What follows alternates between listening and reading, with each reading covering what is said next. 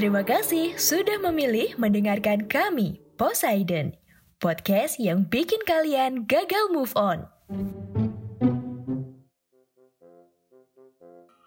Pajak, salah satu tradisi pemerintah paling tua yang masih jalan sampai sekarang di dunia. Wajib buat semua warga negara, semua harus bayar suka maupun tidak suka. Walaupun sambil gak ikhlas, semua nggak apa-apa sih kalau hasilnya adalah fasilitas yang jelas. Dari kerajaan monarki sampai negara demokrasi, mau di Arab Saudi, mau di Italia, hal yang pasti adalah ada pajak yang akan selalu menanti. Halo dan selamat datang di konten paling random podcast sejarah Indonesia di luar kelas. Tempatnya sejarah tidak jelas bersama saya Eka Arkananta. Belakangan, pajak jadi omongan lagi di tengah masyarakat negeri ini ya. Walaupun berawal dari hal yang sangat jauh dari kata positif, nggak apa-apa sih. Sebenarnya ini ngingetin lagi buat kita masyarakat supaya uh, bayar pajaknya tuh rutin gitu. Karena jalan bolong juga menderinya pakai uang pajak ya, bukan pakai janji caleg. Percuma kan udah safety kita udah hati-hati tapi potensi di jalan menuju ilahi itu tetap aja tinggi gitu gara-gara ya jalannya nggak segera diperbaiki. Orang kaya yang punya mobil mewah aja pajak kendaraannya mati, apalagi masyarakat biasa kayak kita yang udah sibuk banting tulang tiap hari.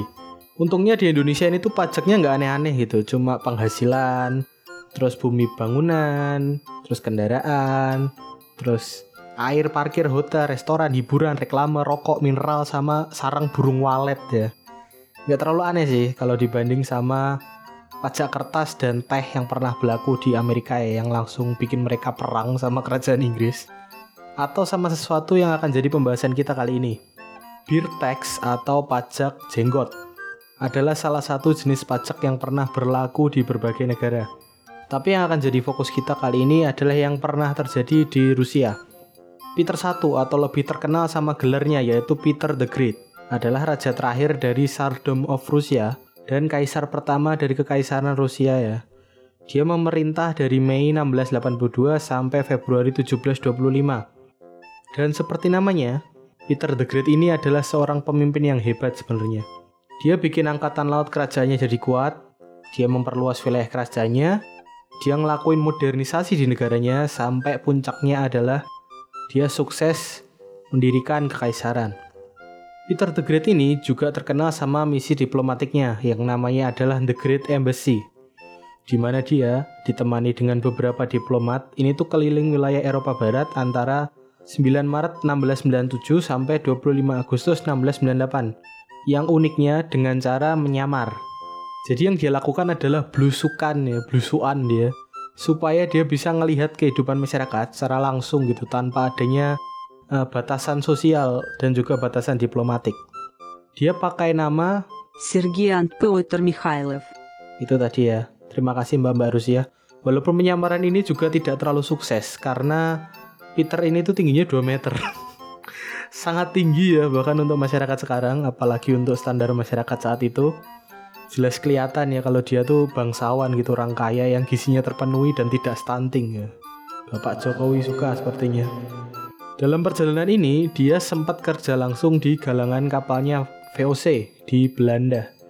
Pengalaman yang sangat berharga buat dia karena ini inilah yang ngebantu ngembangin angkatan laut miliknya Selain itu, dia juga belajar teknik tata kota di Inggris, di mana akhirnya ini juga dipakai ya buat pengembangan kota Saint Petersburg.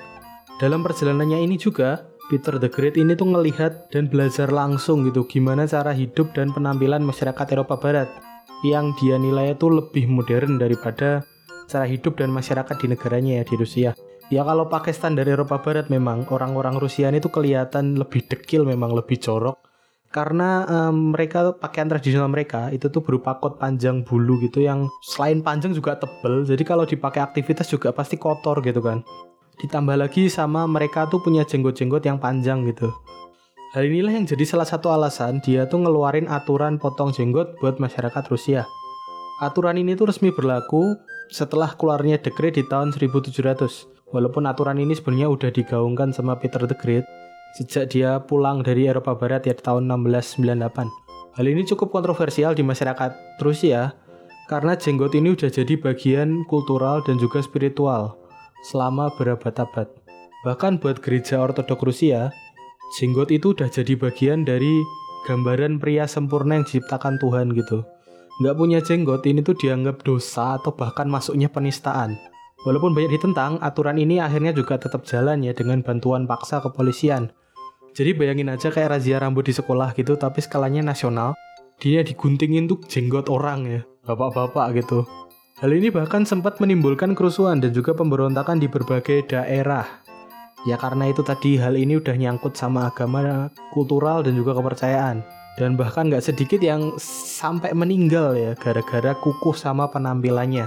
Dampaknya sebagai keringanan akhirnya pemerintah ini ngeluarin aturan bayar pajak buat mereka yang masih pengen punya jenggot. Jumlah bayarnya juga bervariasi tergantung sama status sosial tiap orangnya. Buat saudagar kaya bayarnya sekitar 100 rubel tiap tahun. Bangsawan, militer, dan juga pegawai pemerintah lainnya bayarnya 60 rubel. Pedagang dan warga kota bayar 60 rubel per tahun. Warga Moskow bayar 30 rubel per tahun. Dan rakyat biasa ini bayarnya satu kopek tiap kali mereka masuk kota ya. 100 kopek ini tuh satu rubel, berarti sekitar ya itu hitung sendiri ya kalau tiap kali masuk kota mereka harus bayar berapa. Mereka yang udah bayar ini tuh dapat bukti pelunasan berupa token kayak koin gitu dari perak atau tembaga yang desainnya itu tiap tahun berubah ya. Kecuali sebuah gambar jenggot yang jadi ciri khas dari koin ini. Benernya banyak teori lain sih kenapa Peter the Great ini tuh sampai segitunya gitu sama jenggot. Ada yang berpendapat kalau ini adalah cara dia buat nunjukin superioritasnya di atas gereja ortodoks dan juga di atas para boyar ya. Boyar ini tuh tuan-tuan tanah di Rusia gitu. Orang-orang kaya lah. Teori yang sangat memungkinkan. Bahkan ada yang berpendapat kalau semua ini tuh berawal karena Peter the Great sendiri ini tuh jenggotnya nggak bisa tumbuh. Jadi dia tuh sakit hati gitu ya. Kalau aku nggak bisa punya, yang lain juga nggak boleh gitu kan. Iya dia raja ya, jadi aturan bisa sesukanya dia juga. Uh, peninggalnya Peter the Great, aturan dan pajak ini tuh masih berlaku ya dan baru berhenti di tahun 1772. Lebih dari 70 tahun sejak aturan unik ini dikeluarkan pertama kali. Semoga pemerintah Indonesia tuh nggak ikut-ikutan juga ya bikin yang aneh-aneh kayak gini ya. Udah yang aneh biar pejabatnya aja, aturannya nggak usah. Oke, sekian pembahasan kita kali ini. Pelajaran yang bisa kita ambil kali ini adalah apa ya? Uh, oh ya, orang bijak bayar pajak, orang lupa nunggak pajak, dan yang orang serakah ya yang nyolong pajak ya. Terima kasih yang udah mendengarkan. Kritik dan saran bisa dikirim ke Instagram at podcast underscore Indonesia atau ke Instagram pribadi saya di at roti kecap.